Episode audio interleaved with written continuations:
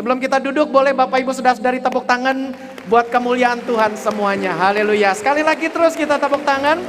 Puji nama Tuhan. Sebelum duduk, nengok kiri kanan dulu, lemparkan senyum kepada orang di sebelah kiri dan kanan, boleh ucapkan selamat hari Natal. Baik, puji Tuhan. Haleluya. Bapak Ibu sudah dari boleh silakan duduk. Puji Tuhan. Hari yang berbahagia ini kita semua tentu dapat merasakan sukacita yang berlimpah karena kita sudah bisa kembali beribadah di gedung gereja kita kembali. Dan gedung gereja kita ini dalam dua tahun pandemi COVID-19, Bapak Ibu Saudara-saudari belum bisa datang ke gereja. Karena memang dalam merayakan Natal di 2020 kemarin dan 2021, memang kita tidak bisa datang ke gereja. Tapi syukur dalam kondisi pandemi seperti itu, gereja kita sudah mengadakan yang namanya ibadah live streaming. Maka itu dengan adanya pelayanan ibadah live streaming tersebut, perayaan Natal 2020 dan 2021 kemarin, kita tetap bisa mengadakannya. Dan saya percaya Bapak Ibu Saudara-saudari juga mengikutinya dengan baik dari rumah masing-masing. Tetapi sekarang tahun ini kita sudah bisa berkumpul di rumah Tuhan. Tidak lagi di rumah kita tetapi di rumah Tuhan. Sekali lagi tepuk tangan yang meriah buat Tuhan kita kita mendapatkan perhatian yang luar biasa dari bapak-bapak dan ibu-ibu pejabat yang ada di daerah kita di Kelapa Gading ini.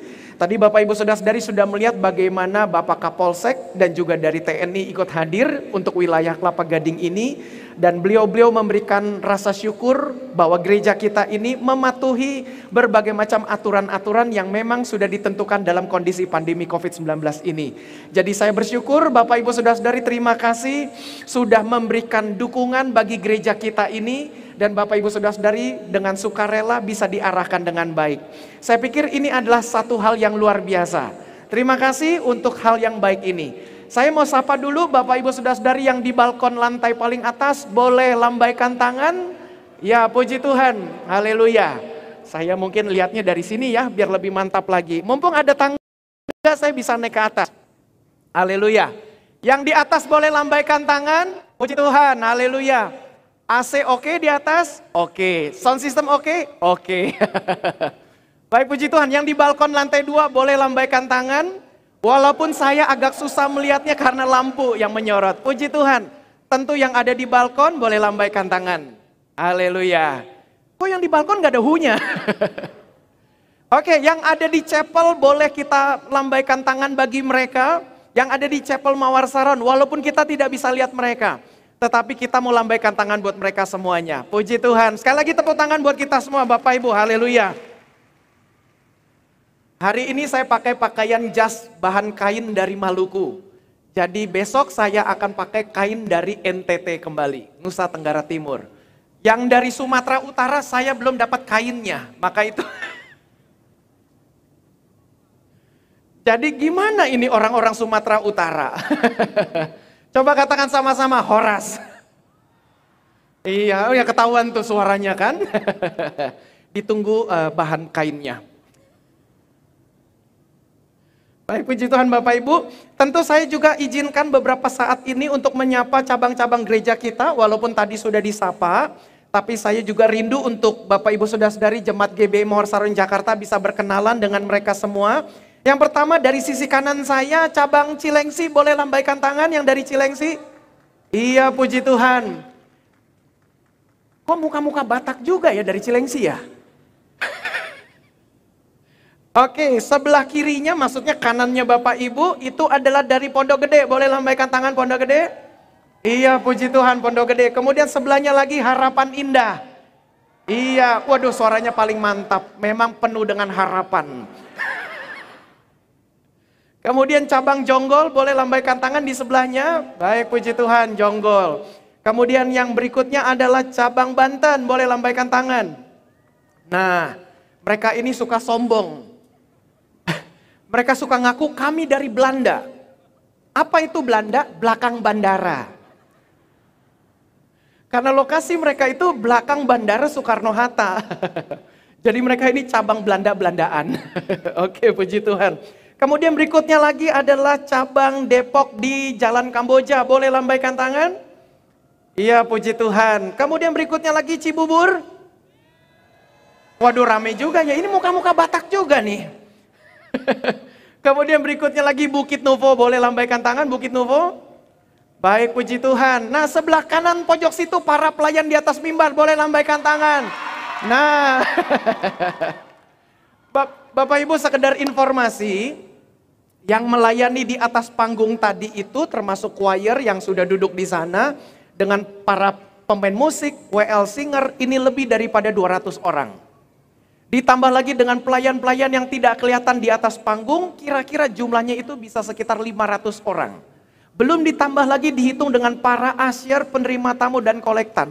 Bisa jadi jumlah mereka itu bisa menyentuh sampai 1.500 orang. Boleh tepuk tangan buat semua yang sudah melayani kita pada hari ini. Terima kasih Bapak Ibu Saudara-saudari semua, ini luar biasa. Saya pikir ini akan menjadi satu hal yang sangat baik, membangkitkan semangat kita semuanya. Baik puji Tuhan Bapak Ibu Saudara-saudari di depan AA dan BB blok-blok ini adalah para pelayan dan keluarga-keluarga juga yang terlibat melayani juga membantu di gereja kita. Dan terima kasih buat Bapak Ibu yang sudah duduk di bagian sisi belakang, balkon lantai 2 dan lantai 3 tentu sekali lagi terima kasih untuk tetap mengikuti arahan. Dan memang dalam kondisi pandemi COVID-19 ini, arahan seperti ini amat sangat penting. Baik puji Tuhan, terima kasih. Bapak Ibu kita akan masuk dalam pembahasan khotbah kita.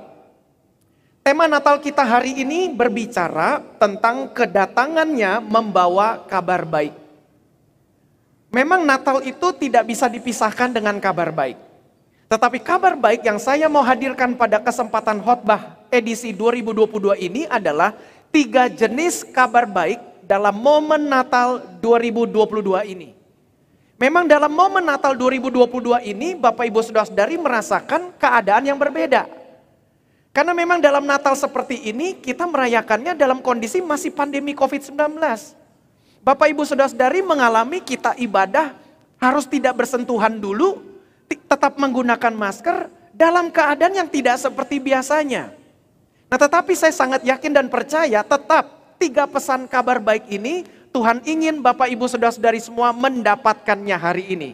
Maka itu tiga alasan ini akan kita buka dari Injil Matius Pasalnya yang pertama, kita akan mulai baca dari ayatnya yang luar biasa itu dari ayat yang pertama, pasal 2 maksud saya, Matius pasal 2 ayat yang pertama sampai ayat yang ke-12. Matius pasalnya yang kedua, ayat pertama sampai ayat yang ke-12. Bapak Ibu sudah dari seperti kebiasaan kita selalu kalau mau baca Alkitab, Selalu kita bangkit berdiri, maka itu mari kita bangkit berdiri dengan penuh semangat. Kita akan dengan suara yang gagah perkasa, kita akan baca secara bergantian. Saya akan membaca ayat-ayat yang ganjil. Bapak Ibu jemaat terkasih, mohon bantu membaca ayat-ayat yang genap. Dan ayat yang terakhir nanti ayat ke-12 kita akan membaca bersama-sama. Matius pasal 12 ayat 1 sampai ayat yang ke-12. Orang-orang Majus dari timur. Sesudah Yesus dilahirkan di Bethlehem di tanah Yudea pada zaman Raja Herodes. Datanglah orang-orang Majus dari timur ke Yerusalem. Silakan.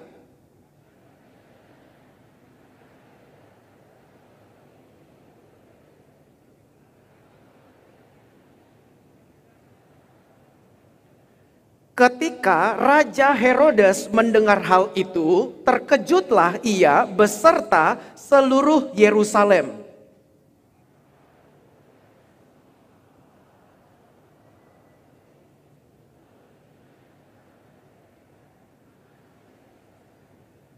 Mereka berkata kepadanya, di Bethlehem di tanah Yudea, karena demikianlah ada tertulis dalam kitab nabi.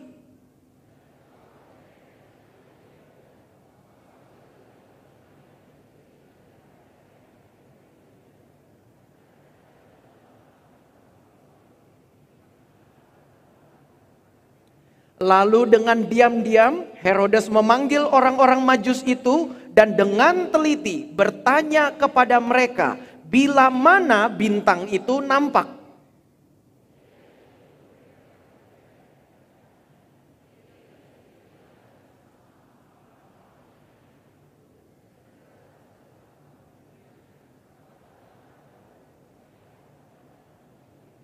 Setelah mendengar kata-kata raja itu, berangkatlah mereka.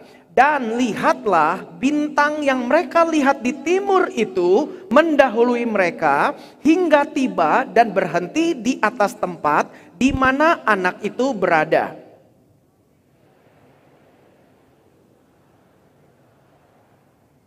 Maka masuklah mereka ke dalam rumah itu dan melihat anak itu bersama Maria, ibunya, lalu sujud menyembah dia. Mereka pun membuka tempat harta bendanya dan mempersembahkan persembahan kepadanya. Perhatikan baik-baik, yaitu emas, kemenyan, dan mur. Ayat yang ke-12 bersama-sama. Dan karena diperingatkan dalam mimpi, supaya jangan kembali kepada Herodes, maka pulanglah mereka ke negerinya melalui jalan lain. Bersama katakan amin. Amin. Terima kasih Bapak Ibu Saudara-saudari boleh silakan duduk. Haleluya. Kisah tentang Natal ini tentu tidak asing bagi Bapak Ibu Saudara-saudari semua. Berita tentang orang Majus, kalau kita dari kecil sudah menjadi orang Kristen, kita biasa ibadah sekolah minggu. Maka biasa dalam perayaan Natal sekolah minggu, perayaan Natalnya diwarnai dengan drama. Maka di drama-drama tersebut bisa saja satu kali kesempatan Natal diceritakan tentang orang majus. Memang dari sekolah minggu kita sudah lihat orang majus itu selalu digambarkan dengan jumlah tiga orang. Padahal di Alkitab tidak pernah digambarkan berapa jumlah orang mereka. Tetapi memang dari jumlah hadiah yang dipersembahkan kepada Tuhan Yesus memang berjumlah tiga. Maka itu kita menduga bisa saja mereka itu jumlahnya tiga. Maka itu Bapak Ibu Saudara dari dengan jumlah tiga hadiah ini, inilah pembahasan khotbah kita. Dari tiga jenis kado yang diberikan kepada Tuhan Yesus, ini menjadi tiga kabar baik bagi kita semuanya. Coba katakan sama-sama tiga. Nah, Tiga kabar baik ini adalah mas, coba ikuti sama-sama, mas, kemenyan, dan mur. Haleluya. Ada orang Jawa di sini boleh angkat tangan? Bukan mas yang itu. mas, kemenyan, dan mur. Dari tiga jenis hadiah yang dipersembahkan orang-orang majus ini kepada Tuhan Yesus, kita bisa melihat tiga makna, tiga kabar baik tentang Tuhan Yesus. Maka itu kedatangan Tuhan Yesus dalam momen Natal ini, kita mau belajar bagaimana tiga jenis kado hadiah ini merupakan kabar baik bagi kita semua. Apalagi dalam kondisi pandemi COVID-19 ini, jemaat terkasih. Memang dalam keadaan seperti ini kita sedang bingung, kita sedang putus asa, kita sedang ragu-ragu. Mungkin kita melihat tahun depan, tahun 2023, tahun yang penuh dengan misteri. Kita baca berita, tahun depan katanya krisis global. Kita juga baca berita dalam beberapa minggu kemarin terjadi gempa bumi di Pulau Jawa, Jawa Barat khususnya. Belum lagi kita dengar kabar-kabar perang pun belum selesai juga. Bencana-bencana pun terus bermunculan. Gunung meletus pun kita juga dengar di sini dan sana. Maka itu Bapak Ibu Saudara-saudari seakan-akan kita melihat tahun depan itu tahun yang penuh dengan kekhawatiran tahun yang penuh dengan putus asa. Belum lagi pandemi COVID-19 kita ditinggal dengan orang-orang yang dikasihi. Dengan orang-orang yang dekat dengan kita. Bahkan keluarga kita pun juga meninggal. Entah karena COVID-19, entah karena penyakit-penyakit yang lain. Bukankah kita semua sebagai satu keluarga, keluarga GBI Mawar Saron Jakarta dan cabang-cabang, kita juga kehilangan Bapak Gembala kita yang pertama, yaitu Pendeta Yakob Nahuai. Sepanjang ibadah tadi, sementara kita puji-pujian, saya terus menahan air mata saya untuk tidak tumpah dari mata saya. Kenapa seperti itu? Karena saya membayangkan ini pertama kalinya kita ibadah merayakan Natal di gedung ini tanpa kehadiran pendeta Yakob Nahuai. Dulu-dulu ketika menyalakan lilin, saya selalu melihat beliaulah yang menyalakan lilin. Sekarang beliau sudah tidak ada. Apa yang saya dan keluarga kami alami sama juga tidak berbeda jauh dengan Bapak Ibu Saudara-saudari semua. Kalau kita berbicara tentang pendapatan kita menurun, pendeta juga pendapatan menurun pada zaman pandemi begini. Kagak ada undangan khotbah. Dulu undangan berjubel sampai kita pusing mensortirnya. Undangan tidak ada lagi pandemi seperti ini. Tapi ternyata Bapak Ibu Saudara-saudari, Tuhan tetap memelihara kita. Kita masih bisa Natal. Saya masih bisa melihat ibu-ibu pakai kebaya dengan konde dan tusuk konde terbaik. Haleluya. Yang nenek-nenek saya lihat udah ganti gigi palsu yang baru. Puji Tuhan. Saya melihat juga kakek-kakek, semuanya penuh dengan semangat. Tadi sebelum ibadah mulai, saya dengan istri dan beberapa penatua diaken, kita luangkan waktu untuk keliling salam satu persatu sampai ke pojok belakang.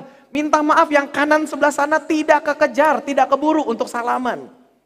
Tetapi ketika berjumpa semua penuh dengan pengharapan dan sukacita. Maka itu Bapak Ibu Saudara-saudari berita tentang Natal malam hari ini yang pertama berbicara tentang emas emas.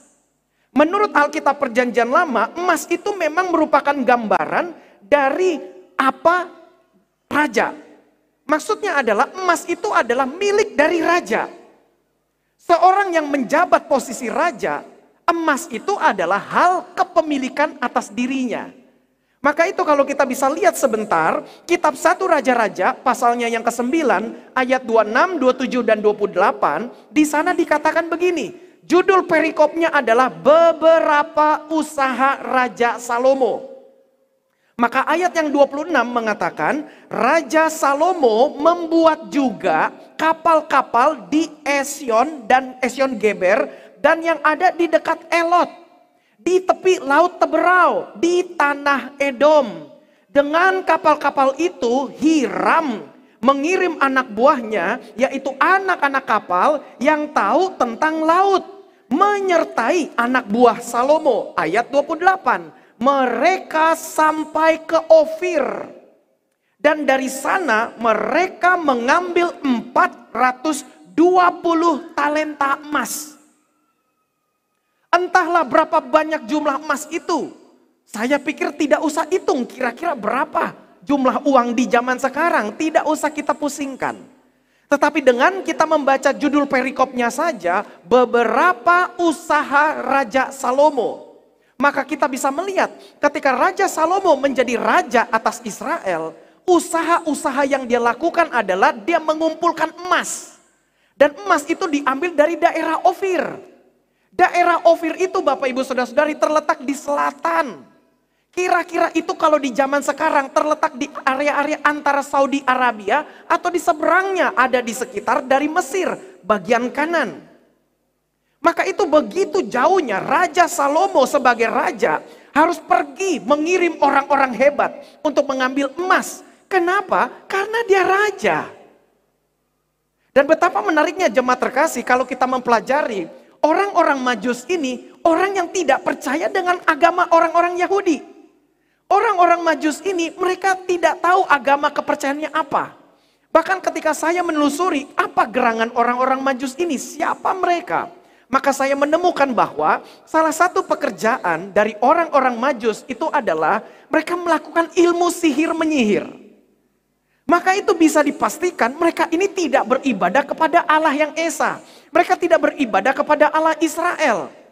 Maka itu dengan melihat latar belakang mereka, Kok bisa mereka yang tidak percaya dengan nubuatan dari perjanjian lama tentang kedatangan Mesias bagi orang Yahudi, kenapa mereka bisa membawa kado pertama itu adalah emas? Emas itu adalah untuk raja. Dan Bapak Ibu jangan lupa tadi kisah yang kita baca, sebelum orang-orang Majus itu berjumpa dengan Tuhan Yesus, mereka berjumpa dulu dengan Herodes. Dan Alkitab tidak mencatat apakah mereka membuka sebagian emas dipersembahkan kepada Raja Herodes? Jawabannya tidak. Maka itu kita bisa melihat bagaimana Alkitab itu menggambarkan Raja Herodes tidak mendapatkan emas dari orang-orang majus. Tetapi haleluya, justru Tuhan Yesuslah yang mendapatkan emas itu. Jadi dengan kata lain, kabar baik yang pertama dalam perayaan Natal 2022 ini adalah emas mendeklarasikan Tuhan Yesus sebagai Raja. Tepuk tangan buat Tuhan Yesus Bapak Ibu. Jadi pada hari ini, hadiah Natal yang kita bawa pulang nanti. Kabar baik yang kita dapatkan adalah Yesus Kristus datang sebagai Raja. Dengan dia menjadi raja, Bapak Ibu Saudara-saudari, apakah kita mesti khawatir atas hidup ini? Apakah kita masih ragu-ragu menatap hari esok? Apakah kita masih takut untuk menatap satu minggu ke depan? Karena satu minggu ke depan Pak Pendeta sudah ganti tahun. Kita baca di berita pemerintah sudah batalkan cuti bersama, jadi nggak ada cuti Pak Pendeta. Maka itu Bapak Ibu Saudara-saudari, kalau kita yakin pada malam hari ini, 2000 tahun yang lalu orang Majus mendeklarasikan Tuhan Yesus sebagai raja. Maka itu layaklah mereka membawa emas dan emas itu dipersembahkan kepada Tuhan Yesus yang adalah raja. Maka itu saya hadirkan malam hari ini Tuhan Yesus sebagai raja. Maka itu kalau Bapak Ibu yakin dalam hati kita dia itu adalah raja, maka Bapak Ibu Saudara-saudari tidak perlu takut atas pimpinan Tuhan dalam hidup kita. Kita bersyukur dalam masa-masa sekarang ini Indonesia masuk dalam kategori aman dalam menanggulangi COVID-19. Kita dalam posisi baik. Dan ini menjadi gambaran bahwa syukur pemerintah yang kita doakan, selalu kita doakan setiap ibadah minggu, ternyata bekerja dengan baik untuk penanganan COVID-19. Haleluya. Maka itu ini menjadi gambaran bahwa apabila pemerintah Indonesia saja bisa memimpin dengan baik, maka rakyatnya tenang. Terlebih lagi ini adalah raja di atas raja. Maka itu Tuhan Yesus sebagai raja harus kita yakini dalam hati kita jemaat terkasih. Harus kita yakinkan dalam perjalanan hidup kita. Ngomong sama istri sama suami, Pak jangan takut, Ma jangan takut. Yesus Kristus Tuhan adalah raja atas hidup kita. Kalau dia menjadi raja, pemerintahannya pasti akan adil dan sejahtera. Tepuk tangan buat Tuhan Yesus Bapak Ibu. Maka dengan begini kita makin yakin dalam hidup kita. Bapak Ibu harus saya bersaksi malam hari ini. Bapak Ibu berkumpul di gedung dom kita ini karena memang ini gereja kita. Tetapi tentu Bapak Ibu Saudara-saudari yang selama ini mungkin belum pernah datang ke gereja, Bapak Ibu sudah melihat banyak perbedaan terjadi dalam gereja kita.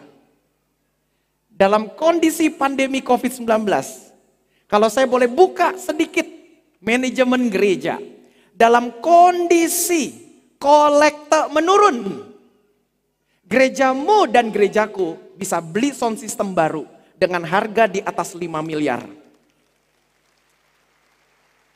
Gerejamu dan gerejaku bisa beli videotron yang baru. Haleluya. Dengan harga satu miliar lebih Bapak Ibu. Total-total berapa? Belum lagi kita tambah unit AC. Belum lagi kita ini itu perbaikan dan sebagainya. Berapa banyak uang yang kita harus keluarkan. Pertanyaannya, emangnya gereja ada duit? Jawabannya gereja nggak ada duit. Tapi gereja punya Tuhan Yesus Kristus yang pegang semua harta di dalam alam semesta ini.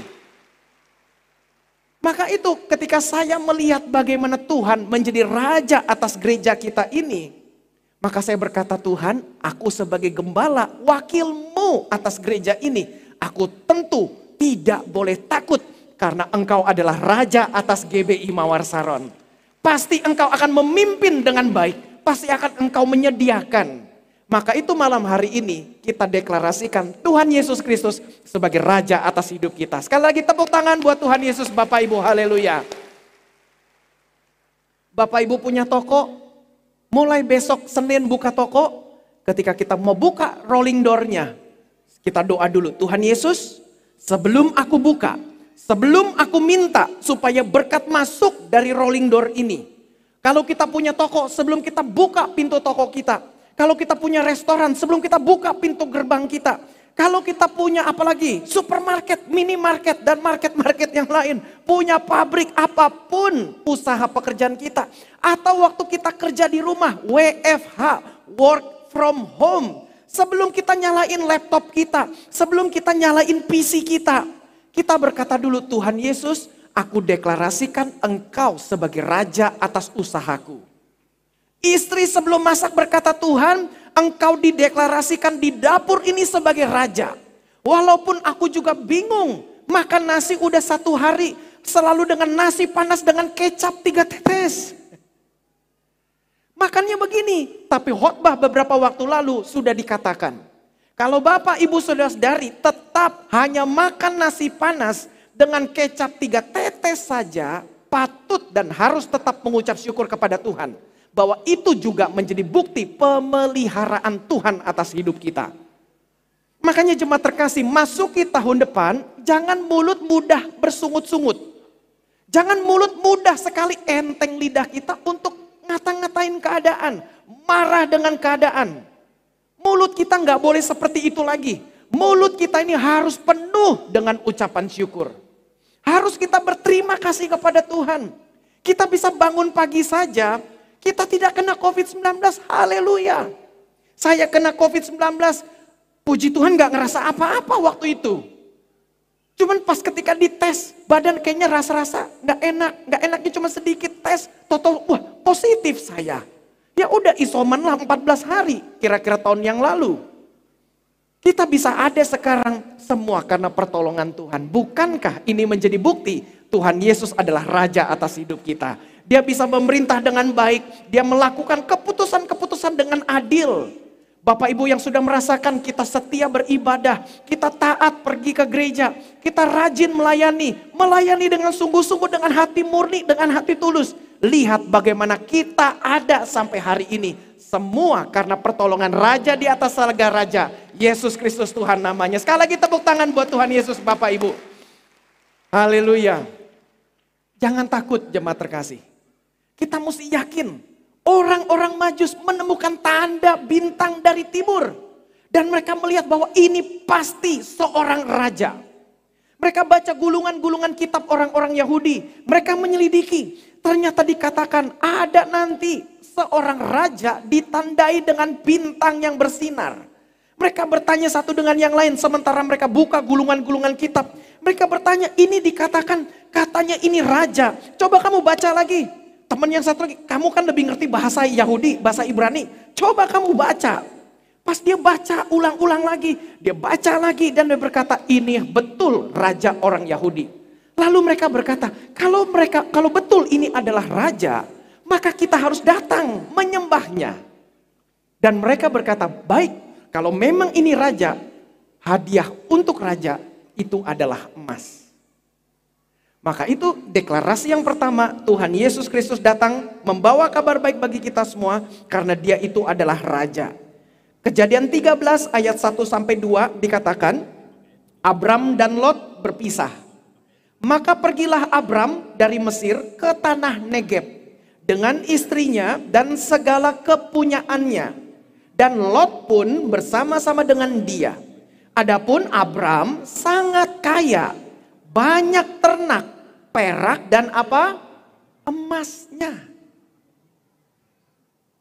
Emas itu bukan hanya menjadi tanda kepemilikan dari raja. Maka emas itu juga menjadi bukti raja yang memilikinya adalah kaya raya. Haleluya. Maka bukan sekedar pemilik emas saja. Berapa banyak raja-raja kecil ada di tanah Israel saat itu?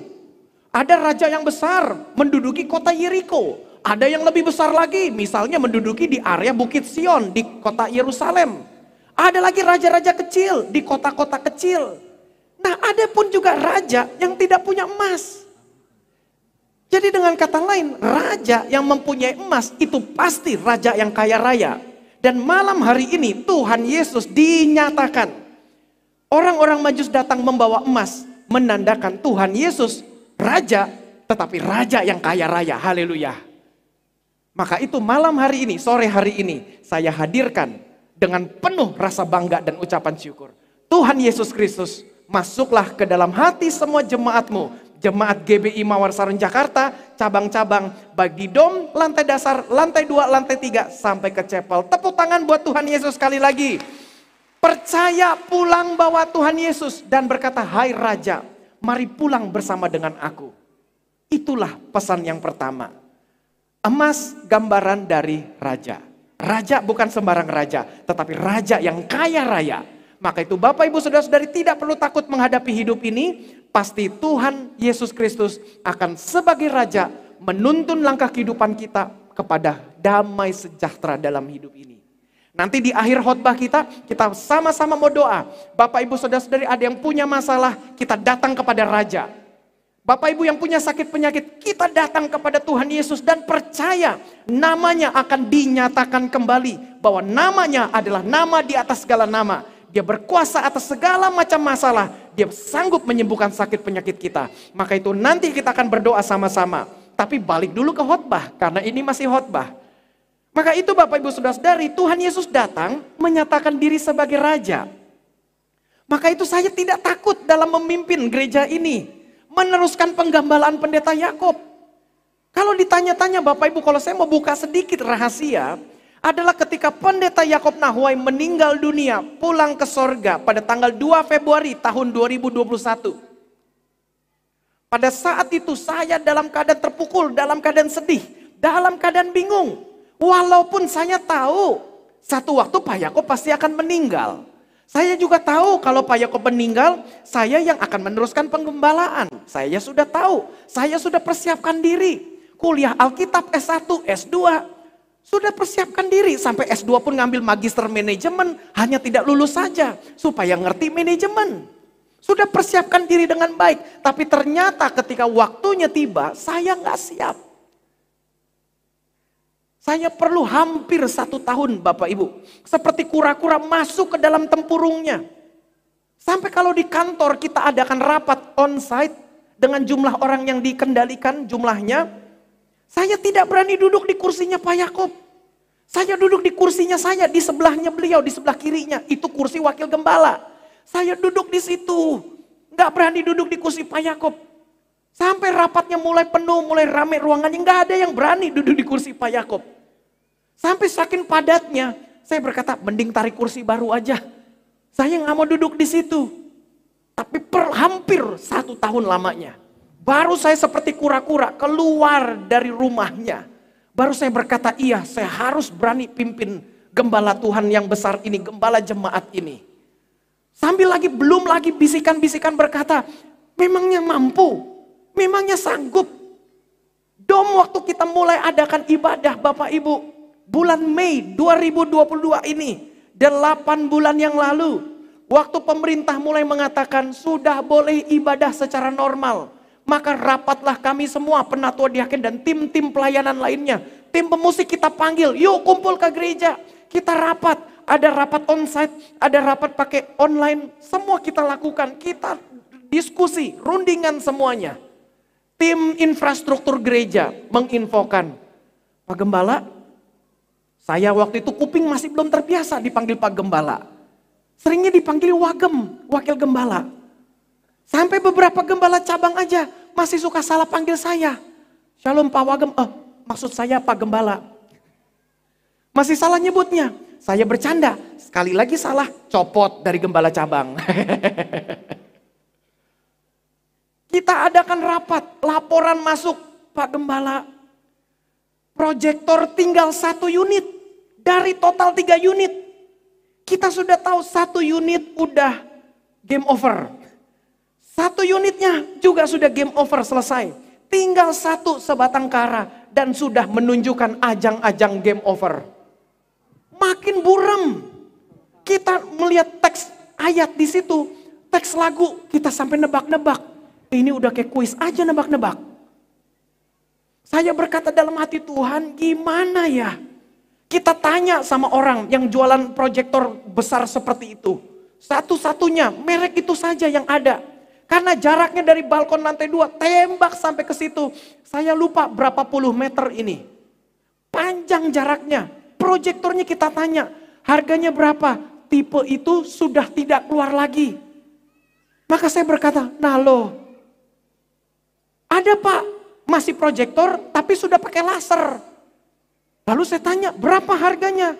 Satu unit, satu miliar. Saya berkata dalam hati, waduh. Terus gimana dong untuk layar kita yang besar begini? Ya kalau memang mau oke punya, mesti tiga proyektor. Ya satunya satu M, tiga proyektor jadi berapa? 3 M. Langsung saya dalam keadaan bingung, larilah saya berdoa kepada Tuhan. Raja di atas segala raja. Saya berkata, Tuhan, pimpinlah gerejamu. Aku sebagai hambamu. Kan kamu sendiri Tuhan yang panggil aku. Aku dulu tidak mau jadi pendeta Tuhan. Aku maunya jadi bisnismen. Aku dulu juga mimpi mau jadi graphic designer. Cok, ilah keren amat. Graphic designer, desain grafis Tuhan. Aku nggak mau jadi pendeta. Tapi Tuhan panggil aku. Saya berkata dalam hati saya, pasti ada rencana Tuhan. Pasti akan ada maksud Tuhan. Dan ternyata betul Bapak Ibu sudah dari jemaat terkasih. Buat cabang-cabang yang sudah pernah dengar, saya mau sampaikan lagi. Buat gembala-gembala cabang, jangan pernah takut dengan Tuhan kita.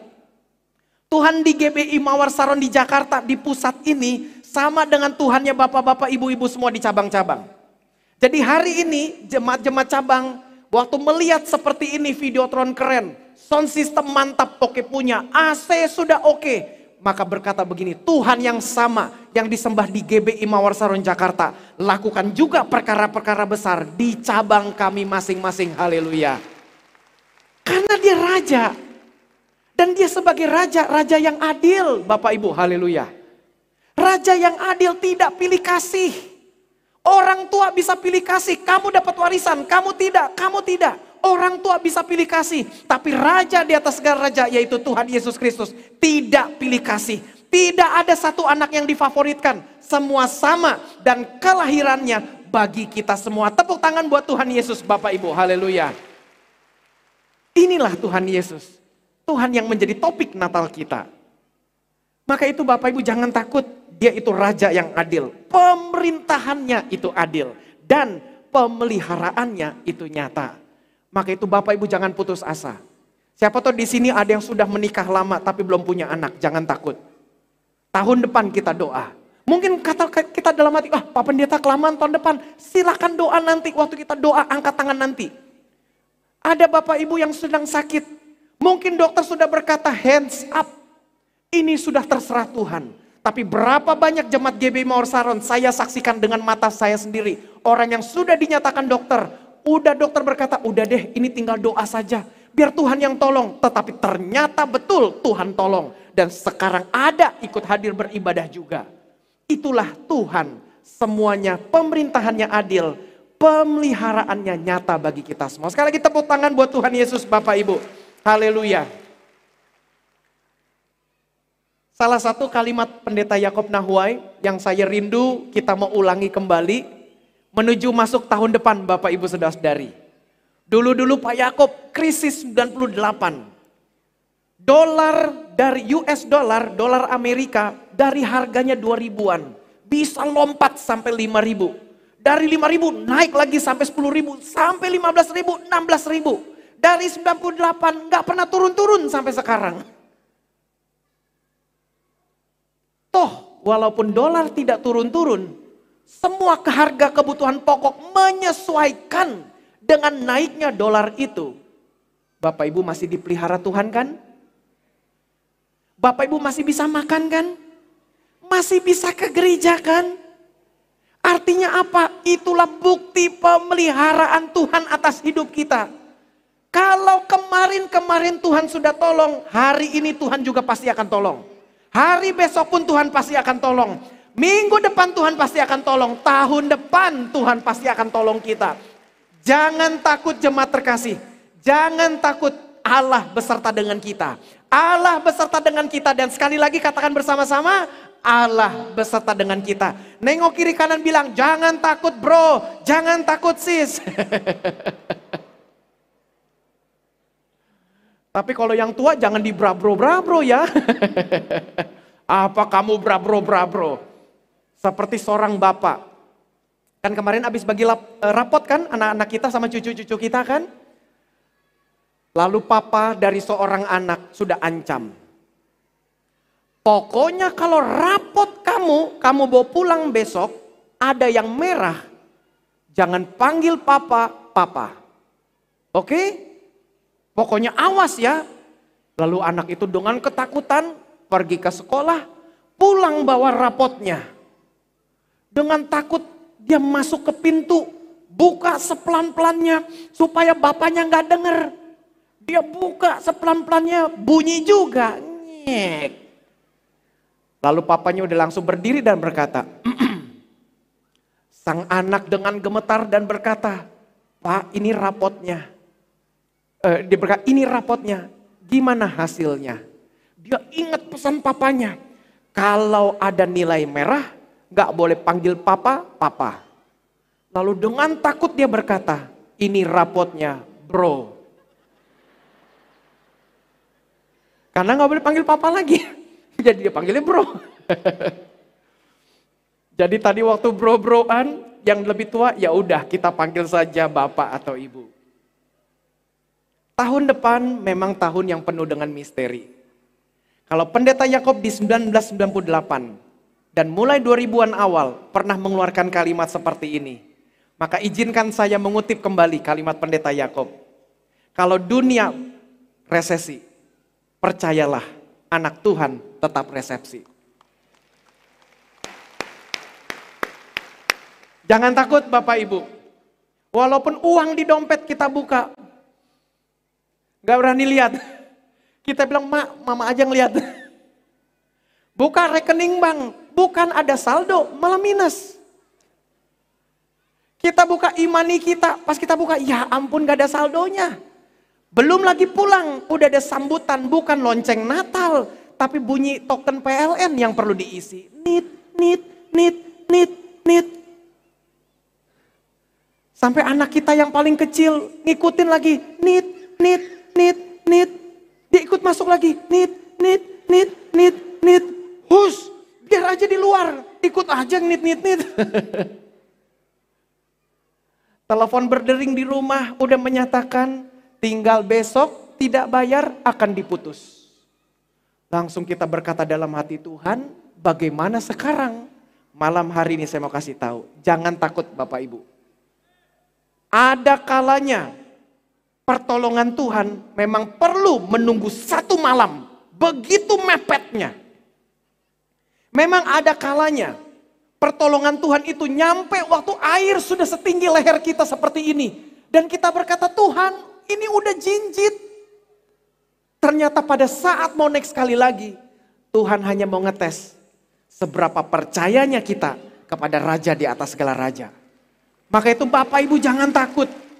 Bapak Ibu jangan khawatir. Jangan putus asa.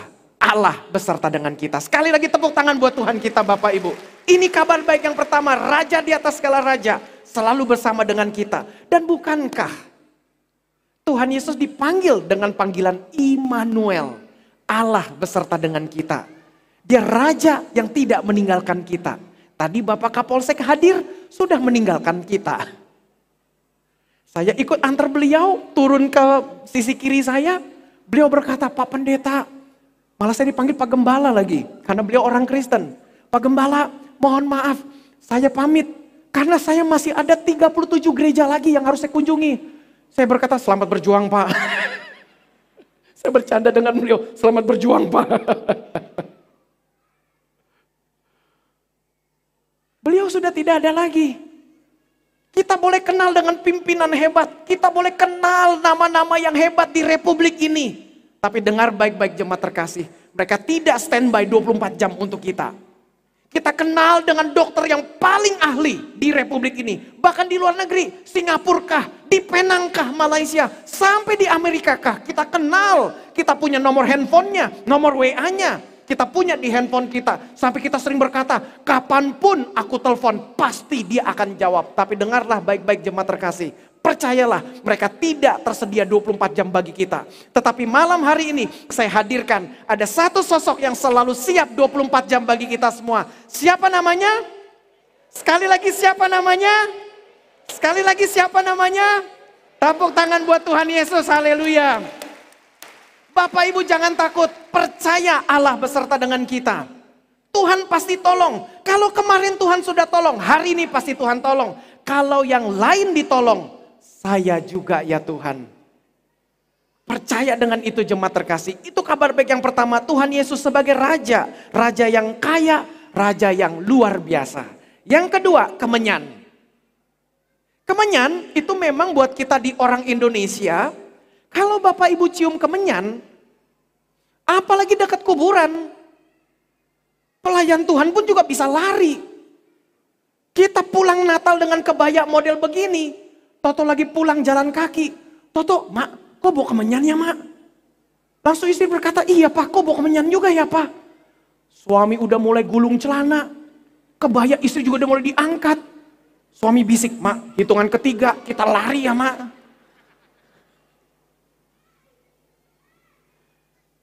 Ternyata dari Alkitab, Bapak Ibu sudah dari jemaat terkasih, dari zaman dulu kemenyan itu adalah gambaran untuk Tuhan. Bayangkan orang Majus yang tidak punya keyakinan kepada orang Yahudi. Yang tidak ada urusan dengan bangsa Israel. Ketika mereka melihat bintang itu bersinar, mempelajari kitab-kitab orang Yahudi. Lalu mereka berkata, ini adalah raja. Dan dia juga adalah Tuhan. Maka itu karena mereka tahu ini adalah Tuhan. Dan mereka mengambil juga kemenyan. Pertanyaannya kemenyan itu buat apa? Maka itu Yusuf dengan Maria memakai kemenyan itu bisa dijual. Sehingga dia bisa merawat Tuhan Yesus sampai dewasa.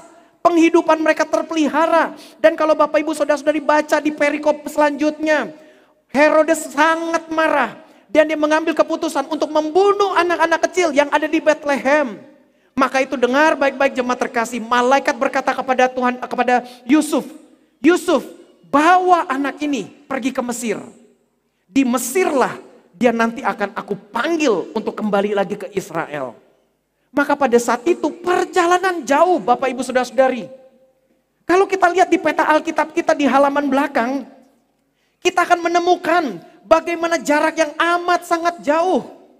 Dari Yerusalem, Bethlehem turun sampai ke daerah Mesir. Jauh. Belum lagi pada zaman itu betapa banyaknya perampok-perampok dan perompak-perompak. Tidak mudah untuk pasangan keluarga ini. Suami istri dengan satu anak. Perlu mengungsi ke sana. Tidak mudah. Tapi kemenyan itu menjadi pemeliharaan Tuhan kepada keluarga ini. Maka itu Bapak Ibu Saudara Saudari saya percaya kita berdoa sama Tuhan malam ini. Dan berkata Tuhan aku juga mau terima kemenyan dari engkau. Walaupun bukan kemenyan asli, bukan kemenyan yang kita perlu bakar dari tempat kita ini, tapi kita terima dengan iman kita. Kemenyan melambangkan Yesus adalah Tuhan.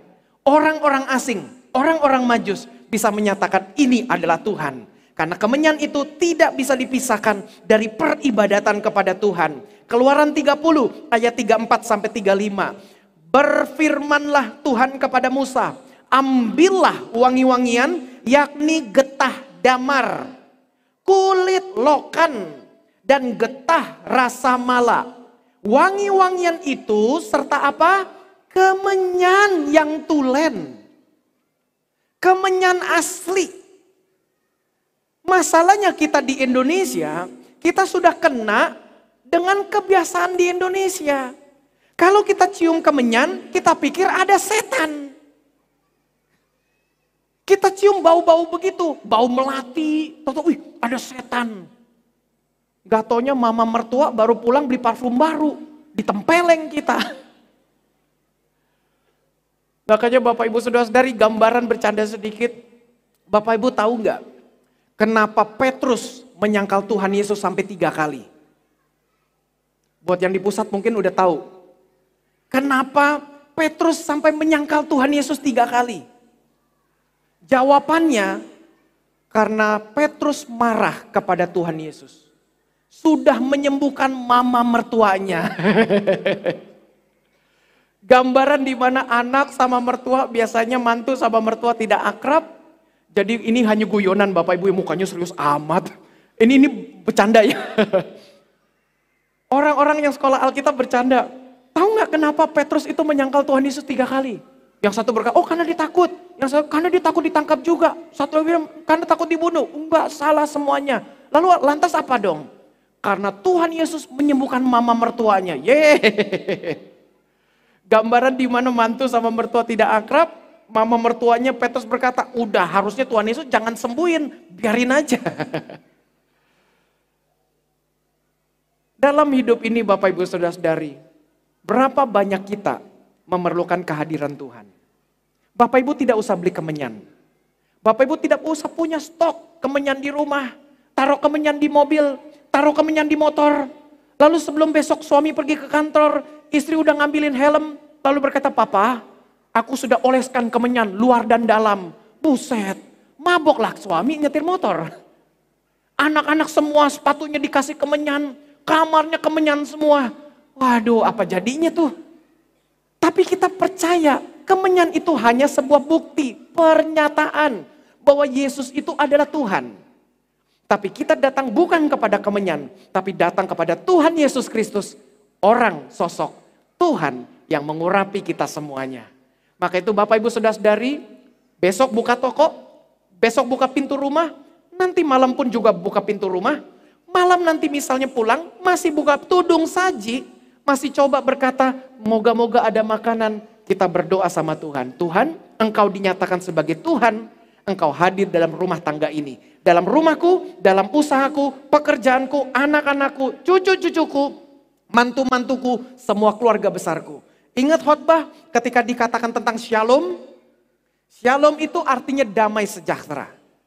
Orang Yahudi ketika mengucapkan shalom, itu mereka punya maksud seperti ini.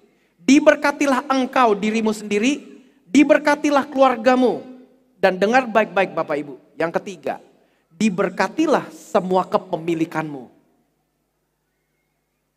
Jadi waktu ceritanya kita orang Yahudi, saya berkata kepada seorang bapak, Pak, shalom. Maka saya mendoakan, Bapak diberkati, Bapak sehat, keluarga Bapak juga diberkati, dan semua kepemilikan Bapak diberkati Tuhan. Makanya perlu kita saling menyapa satu dengan yang lain. Shalom Bapak Ibu. Kita lagi di toilet juga sapa shalom. Nanti bubar selesai ibadah kita ketemu shalom. Suami istri boleh nggak ngomong? Boleh. Shalom mah. Shalom pak. Anak sama orang tua. Boleh nggak? Shalom. Boleh shalom. Kita mendoakan. Supaya dia diberkati Tuhan. Keluarganya diberkati Tuhan. Dan semua kepemilikannya diberkati Tuhan. Itulah gambaran kemenyan. Kemenyan itu ketika dijadikan pembakaran di dalam ruang maha kudus Tuhan. Semerbak wanginya mewarnai ruangan itu. Ketika imam kepala satu tahun satu kali masuk. Dan ketika dia sudah selesai membakar kemenyan itu. Dibakar seperti itu. Ketika dia sudah selesai berdoa, memanjatkan doa bagi orang Israel. Maka dia selesai, dia akan kemudian keluar. Dan ketika dia buka gordeng pembatasnya anak-anak buah imamnya, imam yang lain, ajudan-ajudannya yang ada di ruang kudus, tadi di ruang mah kudus, yang ada di ruang kudus ketika dibuka mereka menyium bau kemenyan itu dan wangi-wangian lain. Tanda hadirat Tuhan keluar ke situ. Dan ketika mereka semua keluar membuka satu tirai yang terakhir lagi ke pekarangan bait Allah. Ketemu dengan bangsa Israel. Mereka mulai melihat awan pekat dari hasil bakaran kemenyan itu. Keluar memenuhi orang Israel semua. Maka ini menjadi gambaran Bapak Ibu. Mulai dari gereja malam hari ini. Ulangi, mulai dari gereja malam ini. Sekali lagi, mulai dari gereja. Mau dari dom ataupun chapel, mana-mana saja. Bapak Ibu pulang bahwa hadirat Tuhan menyertai kita semua. Tepuk tangan buat Tuhan Yesus sekali lagi. Haleluya. Jadi kita tahu Tuhan beserta dengan kita. Gambaran yang kedua, kemenyan. Yang ketiga, yang terakhir, yaitu adalah mur. Mur ini bukan obeng. Mur ini bukan baut. Mur ini adalah satu bentuk bahan yang bisa dibakar untuk juga jadi wangi-wangian. Mur pun juga digunakan orang-orang Yahudi sebagai bahan untuk membalsami jenazah orang yang sudah mati.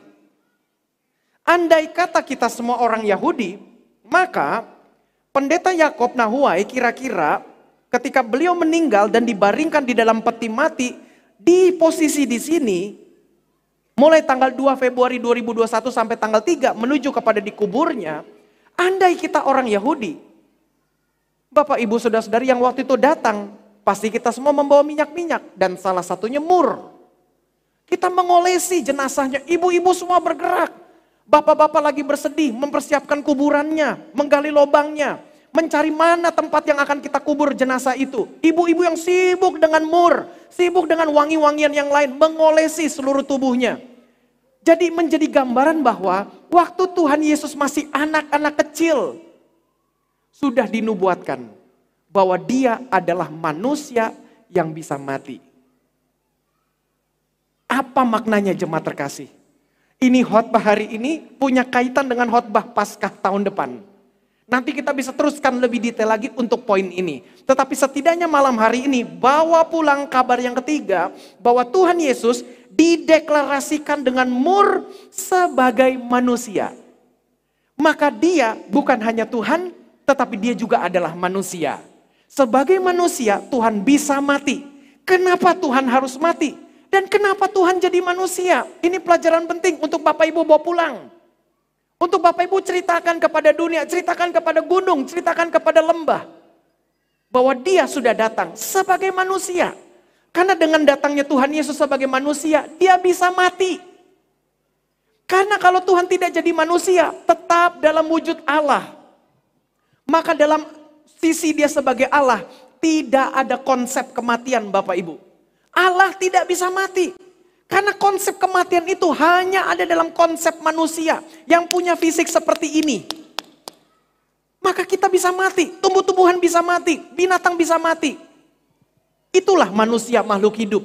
Bumi bisa mati nggak? Ya bumi bisa mati, makin rusak kita nggak rawat bumi, kita nggak jaga, nggak pelihara bumi, makin rusaklah bumi ini. Karena itulah konsep yang Tuhan ciptakan. Semua yang diciptakan ini, bumi dan alam semesta, bisa rusak, bisa mati. Maka itulah Allah harus menjadi manusia. Dengan Allah menjadi manusia, Allah bisa mati. Kenapa Allah bisa mati dan kenapa perlu mati dan kenapa Allah harus mati? Supaya ikatan perjanjian antara Allah dengan manusia yang pertama, yaitu Adam, bisa gugur, bisa selesai, bisa tamat. Ngapain perlu tamat kayak film aja? Kenapa mesti gugur? Harus gugur. Karena kalau tidak gugur Bapak Ibu Saudara-saudari, kita semua pasti masuk neraka.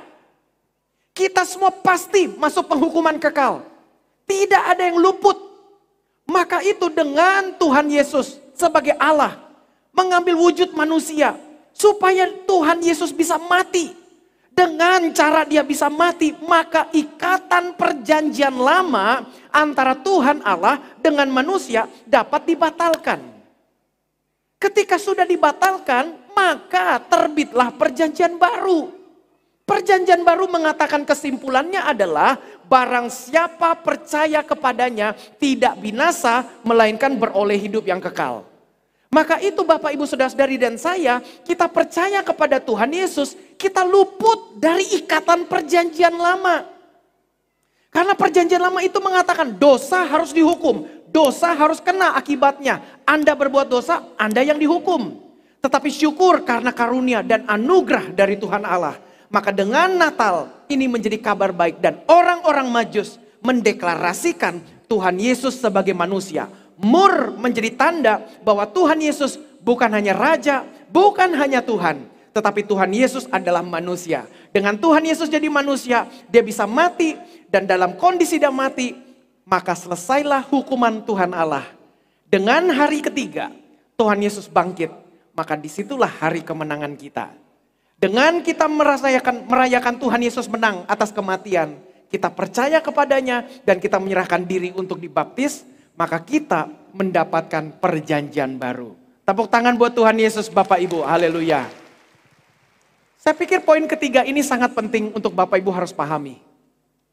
Kalau saya boleh berkata Bapak Ibu Saudara-saudari, memerlukan studi yang tidak panjang, studi yang tidak pendek maksud saya Studi yang panjang untuk menemukan rahasia ini. Mendalami Alkitab, baca pelan-pelan. Temukan benang merahnya. Baru saya bisa berkata, waduh ini rahasia alam semesta. Yang tidak pernah bisa orang bayangkan. Tidak pernah dilihat, tidak pernah didengar, tidak pernah dipikirkan. Tuhan sediakan bagi kita, yaitu apa? Keselamatan. Makanya Bapak Ibu Saudara-saudari malam hari ini kita semua berbahagia. Kita mendapatkan kabar keselamatan.